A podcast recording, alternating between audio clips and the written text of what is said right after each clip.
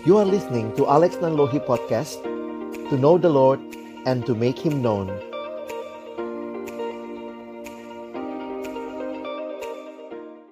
Kami bersyukur ya Tuhan untuk kesempatan ibadah yang Kau berikan kepada kami. Kami telah menaikkan pujian kami kepadamu, menaikkan doa syukur kami kepadamu, dan tiba waktunya bagi kami untuk membuka firman-Mu ya Tuhan. Kami mohon ketika kami membuka firman-Mu, bukalah juga hati kami. Jadikanlah hati kami seperti tanah yang baik, supaya ketika benih firman Tuhan ditaburkan boleh sungguh-sungguh berakar, bertumbuh, dan juga berbuah nyata di dalam kehidupan kami.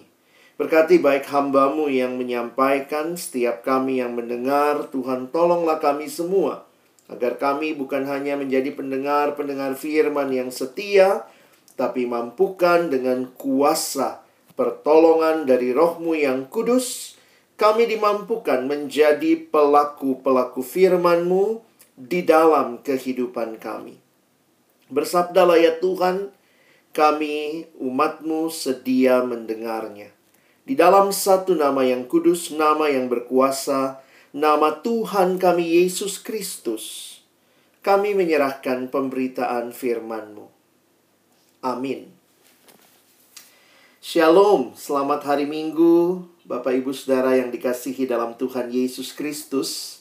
Bersyukur buat kesempatan yang Tuhan berikan bagi kita untuk sama-sama beribadah, memuji, memuliakan namanya. Dan saat ini kita akan merenungkan firman Tuhan di dalam tema yang diberikan kepada kita, yaitu The Gifts of the Spirit atau karunia-karunia Roh Kudus. Di dalam gereja kita memahami bahwa inti pengakuan dari iman gerejawi adalah kepada Allah Tritunggal.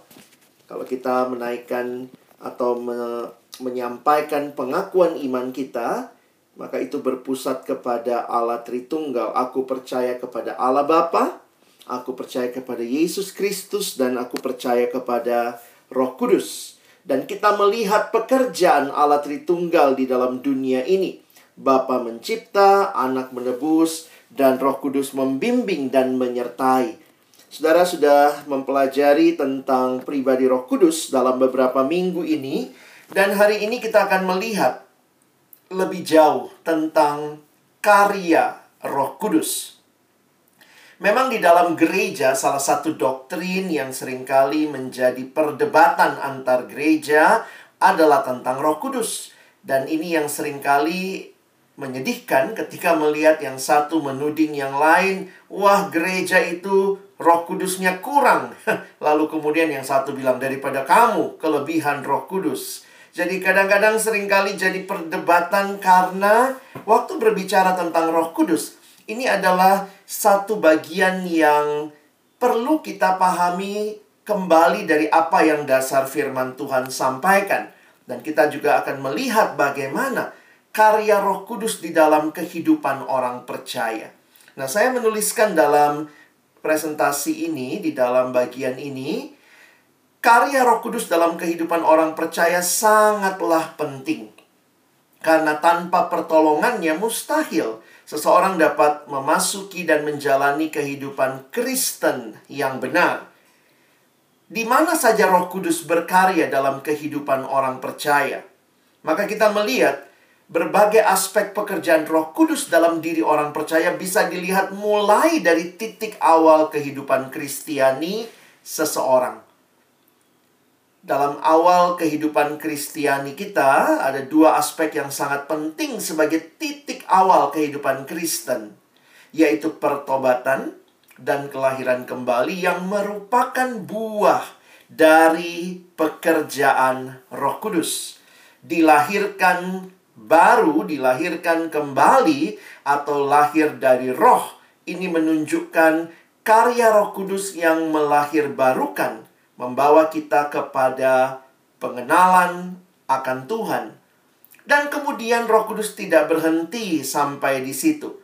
Kalau kita melihat terus di dalam perjalanan kehidupan kekristenan selanjutnya, Hidup kekristenan yang diawali dengan pertolongan Roh Kudus akan mampu kita jalani selanjutnya juga hanya dengan pertolongan Roh yang sama. Nah, dan waktu kita memperhatikan apa yang saat ini kita pelajari tentang karunia-karunia Roh Kudus, ini terkait dengan kita menjalani kehidupan Kristen kita saat ini. Tentunya Roh Kudus juga yang akan menjadi jaminan yang pasti akan seluruh keselamatan yang akan kita terima di dalam kekekalan bersama dengan Allah selama-lamanya dan itu menjadi jaminan yang pasti yang kita bagi orang-orang yang percaya akan alami. Nah, sekarang kita berbicara di dalam konteks saat ini ketika kita sudah di dalam Tuhan, kita ada di dalam gereja dan kita menanti bahwa nanti akan ada penggenapan semuanya. Apa yang Roh Kudus karyakan? Di dalam kehidupan orang percaya ada beberapa hal yang bisa kita perhatikan. Roh Kudus memberi kuasa dan ini di dalam kisah 1 ayat 8 kuasa untuk apa? Kuasa untuk bersaksi. Menyaksikan tentang Kristus. Kamu akan menerima kuasa, kamu akan menjadi saksiku ya. Ketika Roh Kudus turun, kamu akan jadi saksiku mulai dari Yerusalem, Yudea, Samaria sampai ujung bumi. Lalu juga Roh Kudus itu mengajarkan kebenaran. Kita bisa lihat di dalam Injil Yohanes 15 ayat 26. Dan Roh Kudus juga menguduskan kita. Saudara sudah belajar tentang buah roh dan ini adalah pekerjaan Roh Kudus. Itu bukan buah kita, tetapi buah kehadiran Roh Kudus di dalam diri setiap orang yang percaya. Dan hari ini kita akan melihat bahwa Roh Kudus juga menganugerahkan karunia-karunia roh. Jadi, saya harap kita memahami konteks bahasan kita. Jadi kalau kita lihat secara timeline, kita bisa melihat di dalam perjanjian lama, Bapa secara khusus menyatakan pekerjaannya, lalu kemudian kehadiran Yesus di dalam perjanjian baru, sang anak. Tetapi kemudian jangan lupa Yesus naik ke surga, dan kemudian inilah era gereja di mana Roh Kudus bekerja. Bukan berarti Roh Kudus tidak ada di Perjanjian Lama, tetapi karya Roh Kudus secara nyata di dalam kehidupan jemaat yang saat ini kita alami sampai nanti kita menanti dia akan datang kedua kali. Kristus akan datang kedua kali menggenapkan segalanya.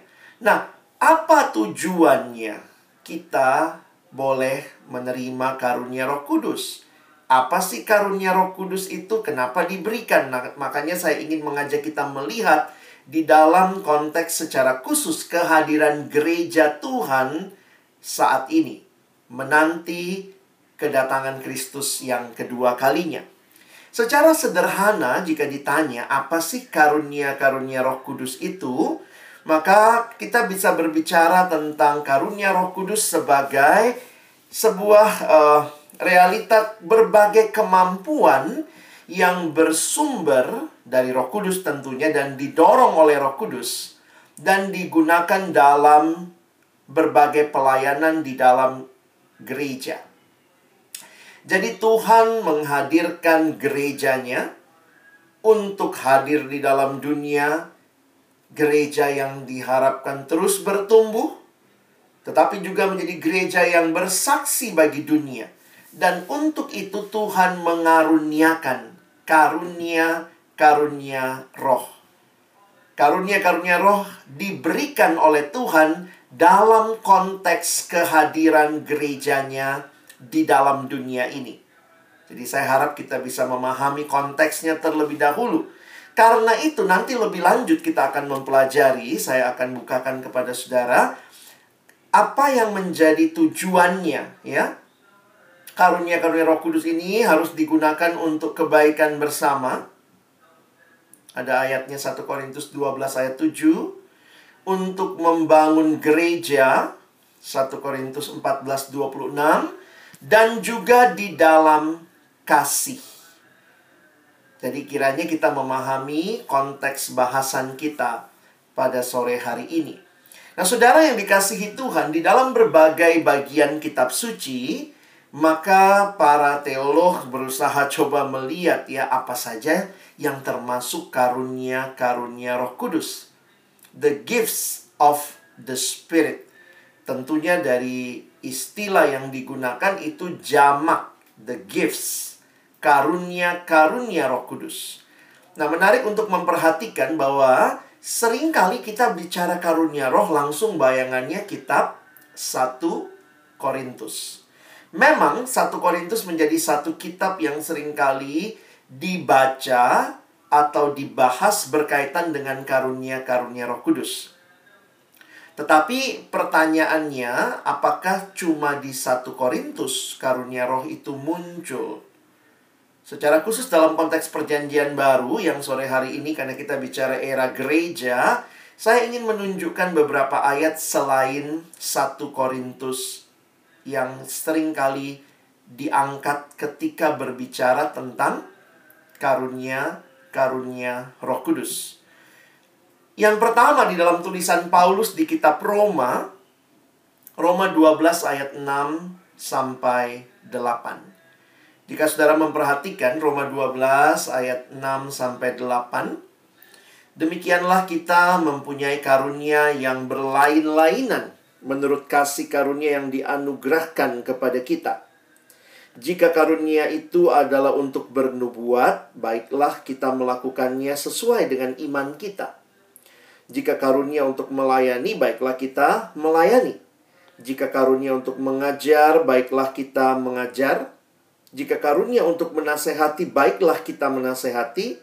Siapa yang membagi-bagikan sesuatu, hendaklah ia melakukannya dengan hati yang ikhlas. Siapa yang memberi pimpinan, hendaklah ia melakukannya dengan rajin. Siapa yang menunjukkan kemurahan, hendaklah ia melakukannya dengan sukacita. Ini juga bagian dari daftar karunia rohani yang diberikan oleh Roh Kudus yang Paulus sampaikan di dalam konteks jemaat Roma. Nah, di bagian yang lain yang sangat terkenal yaitu 1 Korintus 12 ayat 4 sampai 11. Nah, mungkin jadi pertanyaan buat kita apakah di dalam bagian ini Paulus sedang membahasnya sebagai sesuatu yang menjadi utama Nampaknya ini karena ada masalah di dalam jemaat Korintus berkaitan dengan bagaimana mereka menggunakan karunia-karunia rohani yang Tuhan berikan kepada mereka. Karena itu di dalam satu Korintus justru karena ada masalah kelihatan dengan sangat dalam Paulus membahasnya sampai dua atau tiga pasal mulai dari 1 Korintus 12 1 Korintus 13 dan 1 Korintus 14. Nah, kalau saudara lihat strukturnya, 1 Korintus 12 tentang karunia karunia roh, 1 Korintus 14 sekali lagi tentang karunia-karunia roh dan 1 Korintus 13 itu di tengahnya berbicara tentang kasih. Jadi seperti sandwich Saudara ya. Di atasnya ada roti, di bawahnya ada roti, lalu di tengahnya ada isinya. 1 Korintus 12 membahas karunia rohani. 1 Korintus 14 membahas karunia rohani. Tetapi Paulus juga menyelipkan satu bagian yang penting yang saya harap nanti kita tidak lewatkan juga. 1 Korintus 13 tentang kasih. Nah, saudara bisa melihat ini ayat yang terkenal 1 Korintus 12 ayat 4 sampai 11 saya akan bacakan bagi kita. Ada rupa-rupa karunia tetapi satu roh dan ada rupa-rupa pelayanan tetapi satu Tuhan. Dan ada berbagai-bagai perbuatan ajaib tetapi Allah adalah satu yang mengerjakan semuanya di dalam semua orang. Tetapi kepada tiap-tiap orang dikaruniakan penyataan roh untuk kepentingan bersama. Sebab kepada yang seorang roh memberikan karunia untuk berkata-kata dengan hikmat, dan kepada yang lain roh yang sama memberikan karunia berkata-kata dengan pengetahuan. Kepada yang seorang, roh yang sama memberikan iman. Dan kepada yang lain ia memberikan karunia untuk menyembuhkan. Kepada yang seorang roh memberikan kuasa untuk mengadakan mujizat. Dan kepada yang lain ia memberikan karunia untuk bernubuat. Dan kepada yang lain lagi ia memberikan karunia untuk membeda-beda membedakan bermacam-macam roh. Kepada yang seorang ia memberikan karunia untuk berkata-kata dengan bahasa roh dan kepada yang lain ia memberikan karunia untuk menafsirkan bahasa roh itu. Tetapi semuanya itu dikerjakan oleh roh yang satu dan yang sama yang memberikan karunia kepada tiap-tiap orang secara khusus seperti yang dikehendakinya. Kalau saudara menangkap apa yang disampaikan Paulus waktu dia berbicara tentang karunia roh, beberapa kali Paulus menegaskan Contohnya di ayat 11 yang ada di screen saudara. Tetapi semuanya itu dikerjakan oleh roh yang satu dan yang sama. Demikian juga ayat 4 di awal tadi yang kita baca. Di ayat yang keempat dikatakan ada rupa-rupa karunia tetapi satu roh.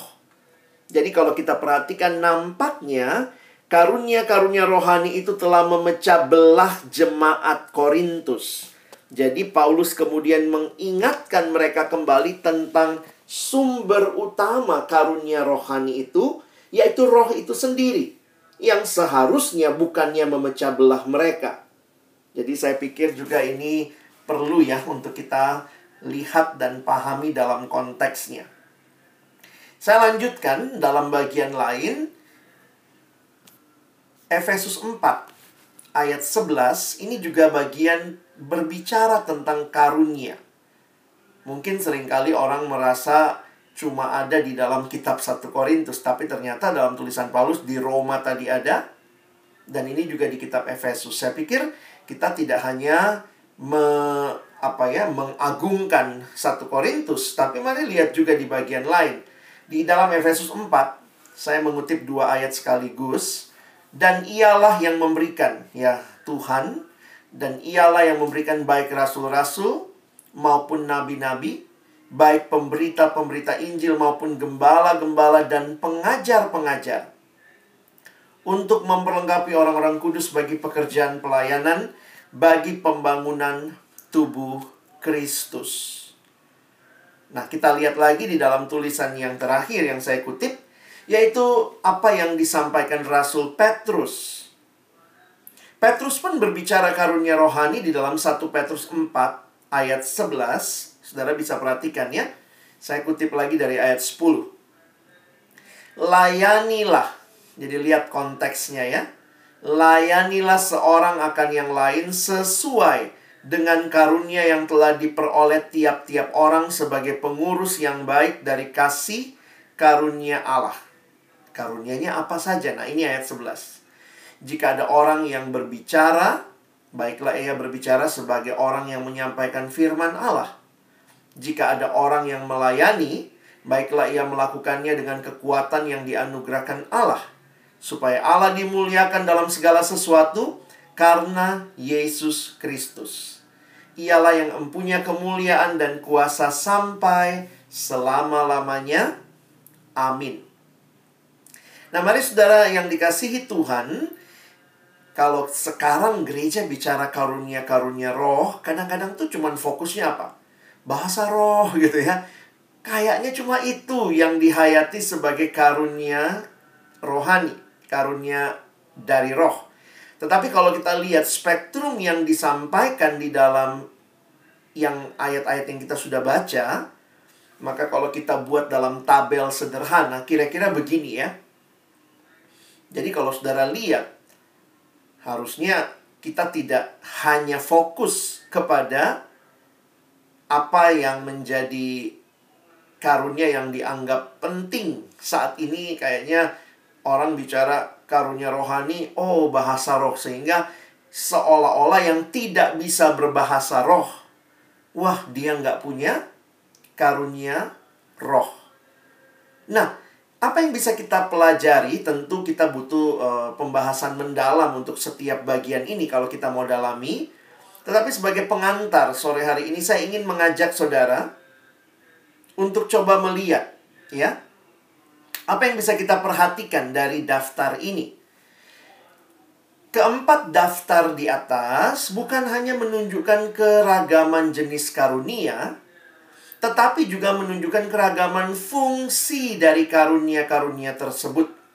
Menarik kalau saudara perhatikan, kenapa saya katakan fungsi? Karena juga menunjukkan betapa banyaknya kebutuhan yang ada di dalam jemaat Tuhan di dalam gereja Tuhan ada begitu banyak kebutuhan sehingga karunia itu bukan cuma satu jenis.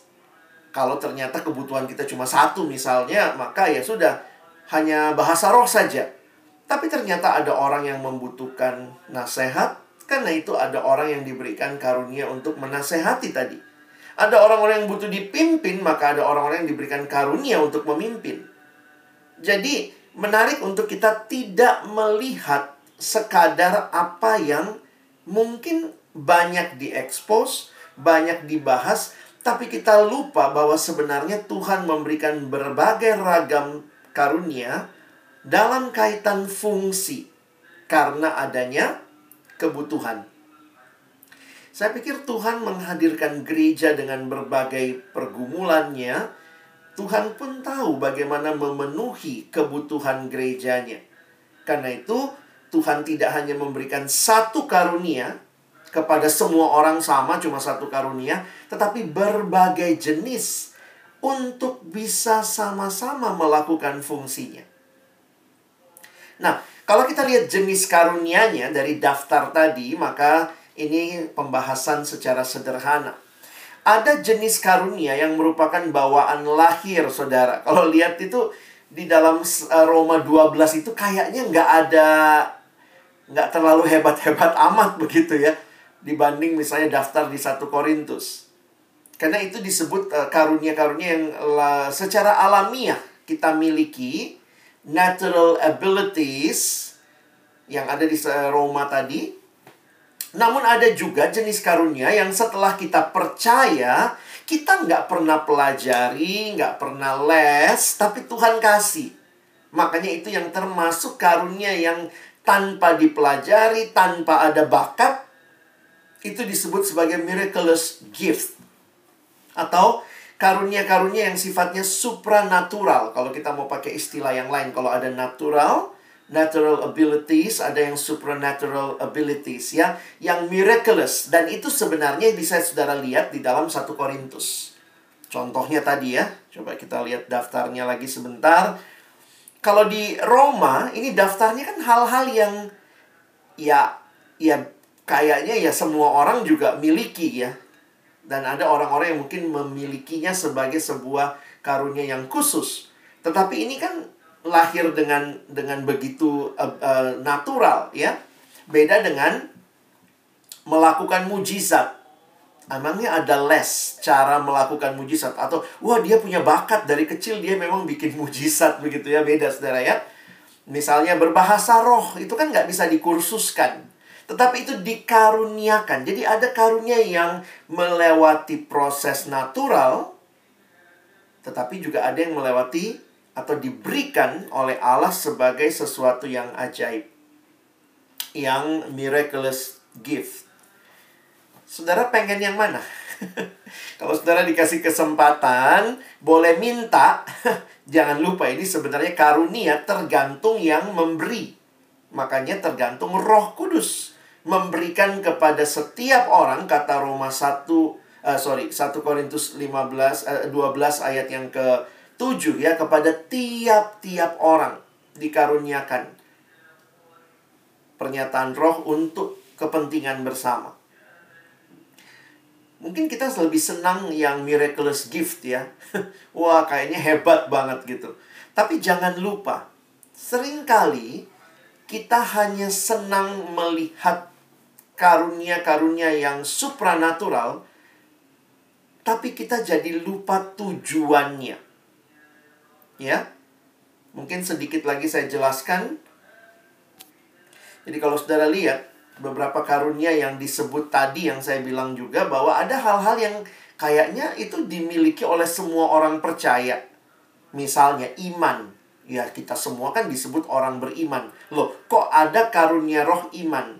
Makanya para penafsir biasanya melihat ketika dikatakan ada karunia iman, maka mungkin itu dikaitkan dengan orang yang punya kemampuan yang khusus dalam hal tersebut dibanding orang lain. Jadi memang semua punya iman, tetapi nampaknya iman yang Tuhan karuniakan kepada dia itu sebagai sebuah karunia rohani yang berbeda dengan yang lainnya. Termasuk juga melayani. Semua kita kan bisa melayani. Tetapi ada orang yang Tuhan berikan khusus karunia melayani. Sehingga mungkin dalam hal itu dia terlihat lebih dari orang-orang yang lainnya. Nah, tapi kemudian ini yang saya ingin ajak kita sadari ya karunia ini untuk apa? Dari tadi kita bahas karunia, sebenarnya saya sudah katakan di awal tadi bahwa semua karunia ini tujuannya untuk konteks gereja Tuhan. Perhatikan di dalam ayat-ayat yang diberikan begitu ya. Uh, Oke, okay. tujuan karunia-karunia Roh Kudus. Perhatikan 1 Korintus 12 ayat 7. Nah, ini banyak munculnya di 1 Korintus. Makanya saya bisa menyimpulkan, nampaknya di 1 Korintus ada masalah tentang penggunaan karunia-karunia rohani. Karunia-karunia roh kudus ini. Perhatikan tujuan yang diberikan.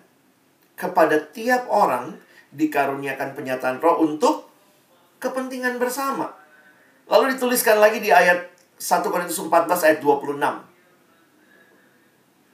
Ketika disampaikan di sini, setiap orang dengan karunia-Nya masing-masing bila mana kamu berkumpul hendaklah tiap-tiap orang mempersembahkan sesuatu. Yang seorang mazmur, yang lain pengajaran atau penyataan Allah atau karunia bahasa roh atau karunia untuk menafsirkan bahasa roh. Tetapi semuanya itu harus dipergunakan untuk membangun jadi kelihatan nampaknya ada orang-orang jemaat Korintus yang menggunakan karunia-karunia itu untuk kepentingan diri sendiri. Untuk bahkan memegahkan diri.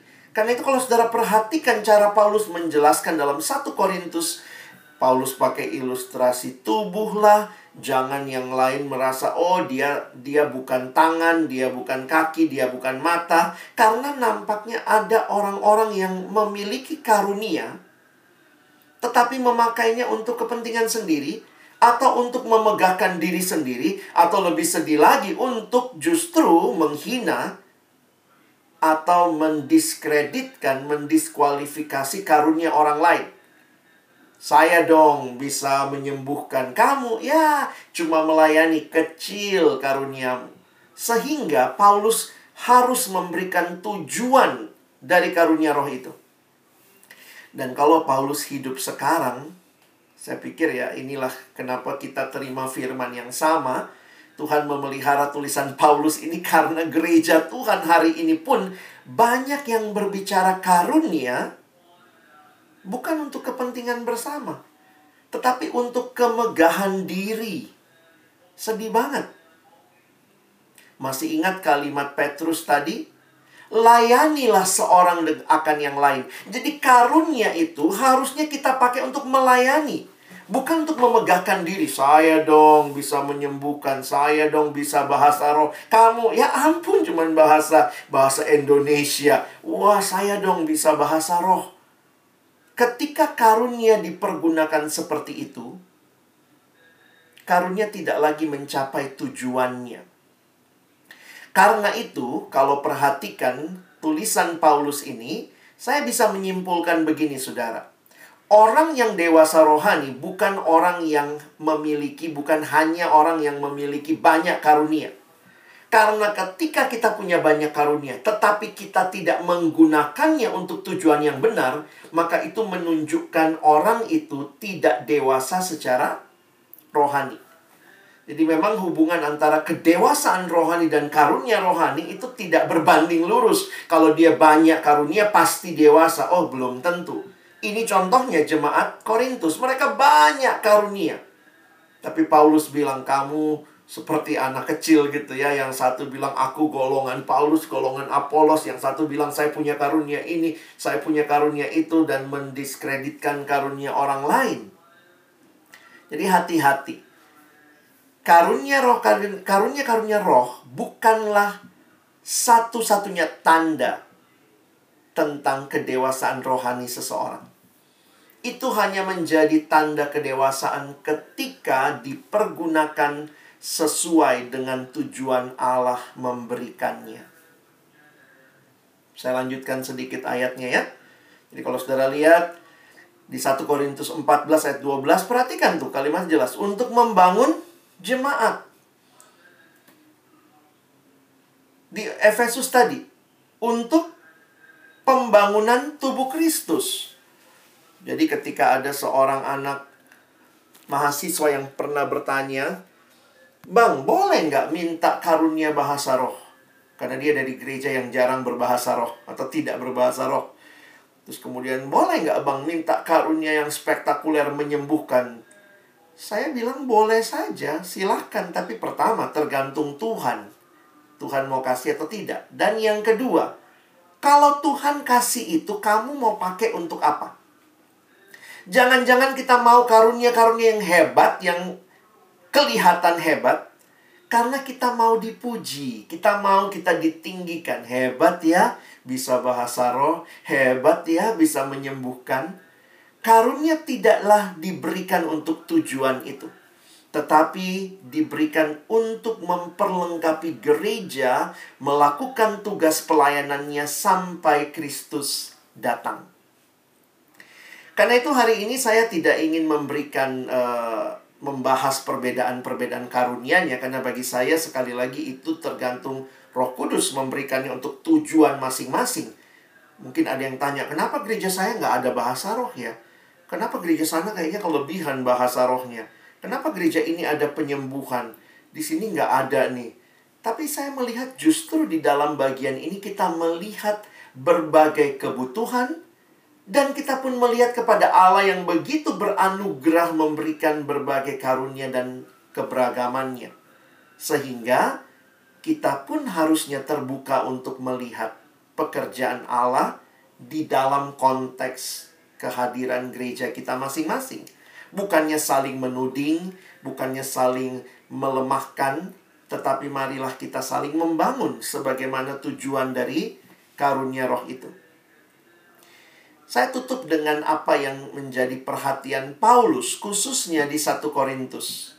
Ketika dia sudah berbicara tentang karunia-karunia, Paulus seperti berhenti sebentar. 1 Korintus 12 dia sudah bahas karunia-karunia. Dia sudah bahas tentang satu tubuh, harusnya kita berfungsi sebagai satu tubuh. Dan Paulus masuk ke 1 Korintus 13 sebelum nanti dia lanjutkan kembali di 1 Korintus 14 bicara tentang karunia-karunia roh. Kenapa penting ada ayat ini? Saya pikir ayat ini bukan hanya supaya nanti kalau menikah bisa kutip ayat ini ya. Banyak sekali yang menikah mengutip 1 Korintus 13, minta khotbahnya dari 1 Korintus 13, termasuk waktu saya menikah, begitu ya. Tetapi waktu menghayati, kita memang sering kali bacanya mulai dari ayat 4 ya ayat 4, kasih itu sabar, kasih itu murah hati. Sampai-sampai kita lupa bahwa sebenarnya 1 Korintus 13 diberikan dalam konteks karunia, karunia roh kudus. Mari lihat sebentar ayatnya. Kalau saudara memperhatikan cara Paulus membahas ayat-ayat ini, kelihatan dengan jelas betul ada masalah di jemaat Korintus. Jemaat yang kaya karunia roh, tetapi miskin kasih. Karena karunia roh dipakai bukan untuk kepentingan bersama, tapi untuk kemegahan diri. Karena itu lihat cara Paulus menjelaskan. Sekalipun aku dapat berkata-kata dengan semua bahasa manusia. Jadi hebat sekali nih. Paulus misalnya dapat karunia bisa bahasa semua bahasa manusia.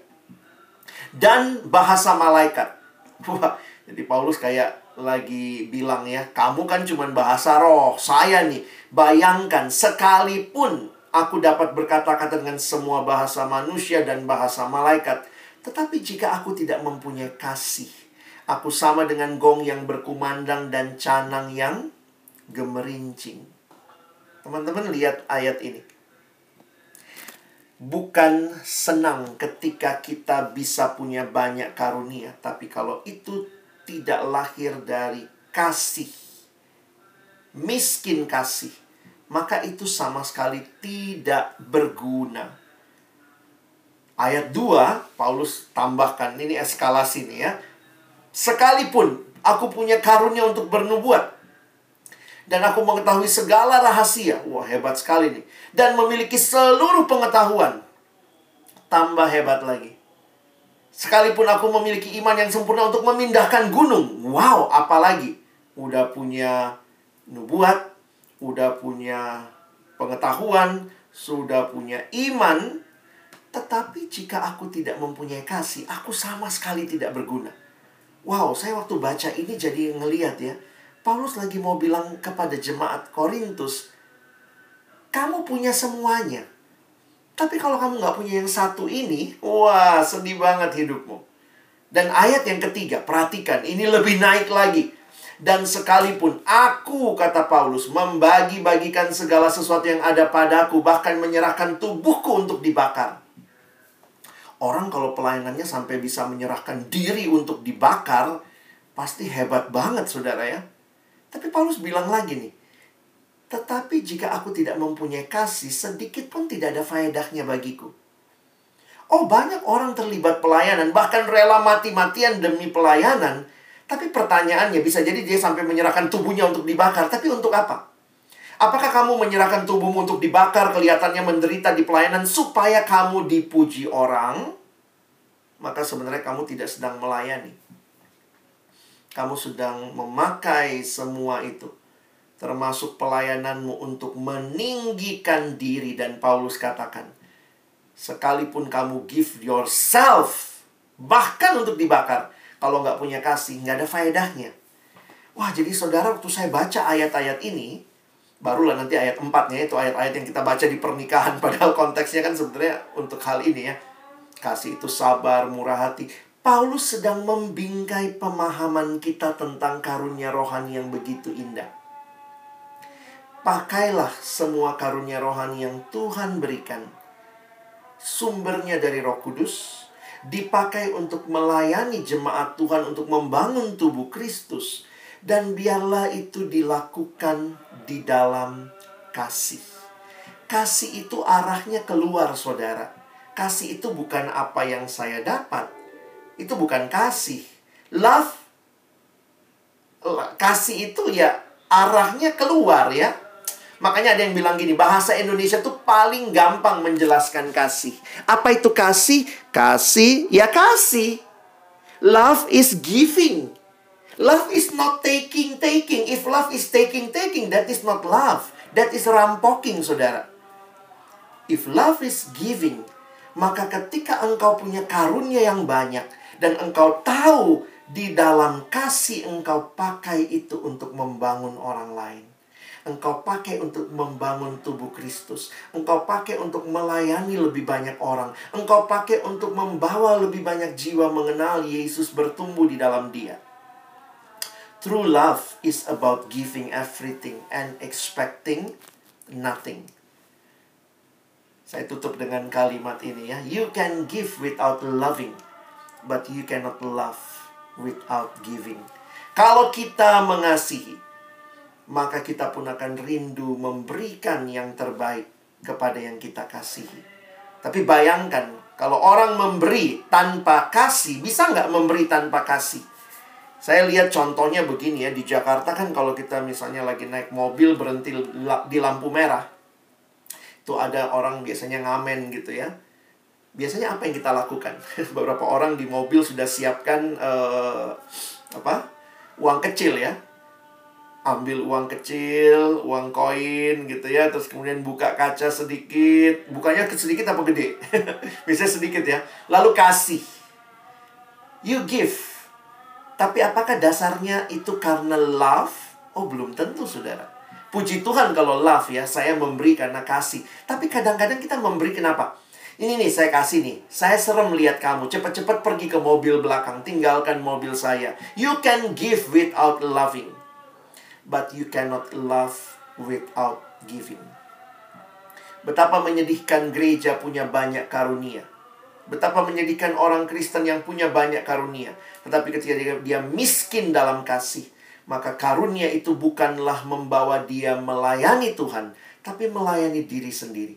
Bukan membawa dia membangun jemaat Tuhan, tetapi justru membanggakan diri di dalam jemaat dan mungkin bahkan tidak mempedulikan orang lain. Sekali lagi karunia rohani hari ini kita bahas. Roh Kudus berikan karunia-karunia ini supaya gereja terus bertumbuh di akhir zaman menjadi gereja yang melayani. Kiranya ketika saudara juga diberikan karunia oleh Tuhan, pakailah bagi pembangunan tubuh Kristus. Termasuk di dalam persekutuan bagi saudara yang ada di CSSU, kiranya Roh Kudus juga menolong kita memberlakukan setiap karunia untuk dipakai bagi pembangunan tubuh Kristus. Tuhan menolong kita menjadi pelaku-pelaku firman-Nya. Mari kita berdoa. Terima kasih Tuhan untuk kebenaran firman-Mu. Terima kasih untuk setiap pemahaman yang Tuhan berikan. Ampuni kami yang sering kali lebih sibuk berdebat tentang karunia mana yang lebih utama dan lupa bahwa ada tujuan Tuhan memberikan semua karunia itu. Sebagai gereja yang juga diberikan anugerah oleh Tuhan karunia-karunia rohani kami pun dipanggil untuk melayani Tuhan dan melayani satu sama lain. Biarlah kami boleh memaksimalkan setiap karunia yang kami miliki, dan kami persembahkan bagi kemuliaan Tuhan dan bagi pembangunan tubuh Kristus, bagi kepentingan bersama, dan di dalam kasih. Tolong kami bukan cuma jadi pendengar yang setia, mampukan kami jadi pelaku-pelaku firman-Mu dalam nama Yesus kami berdoa, kami bersyukur. Amin.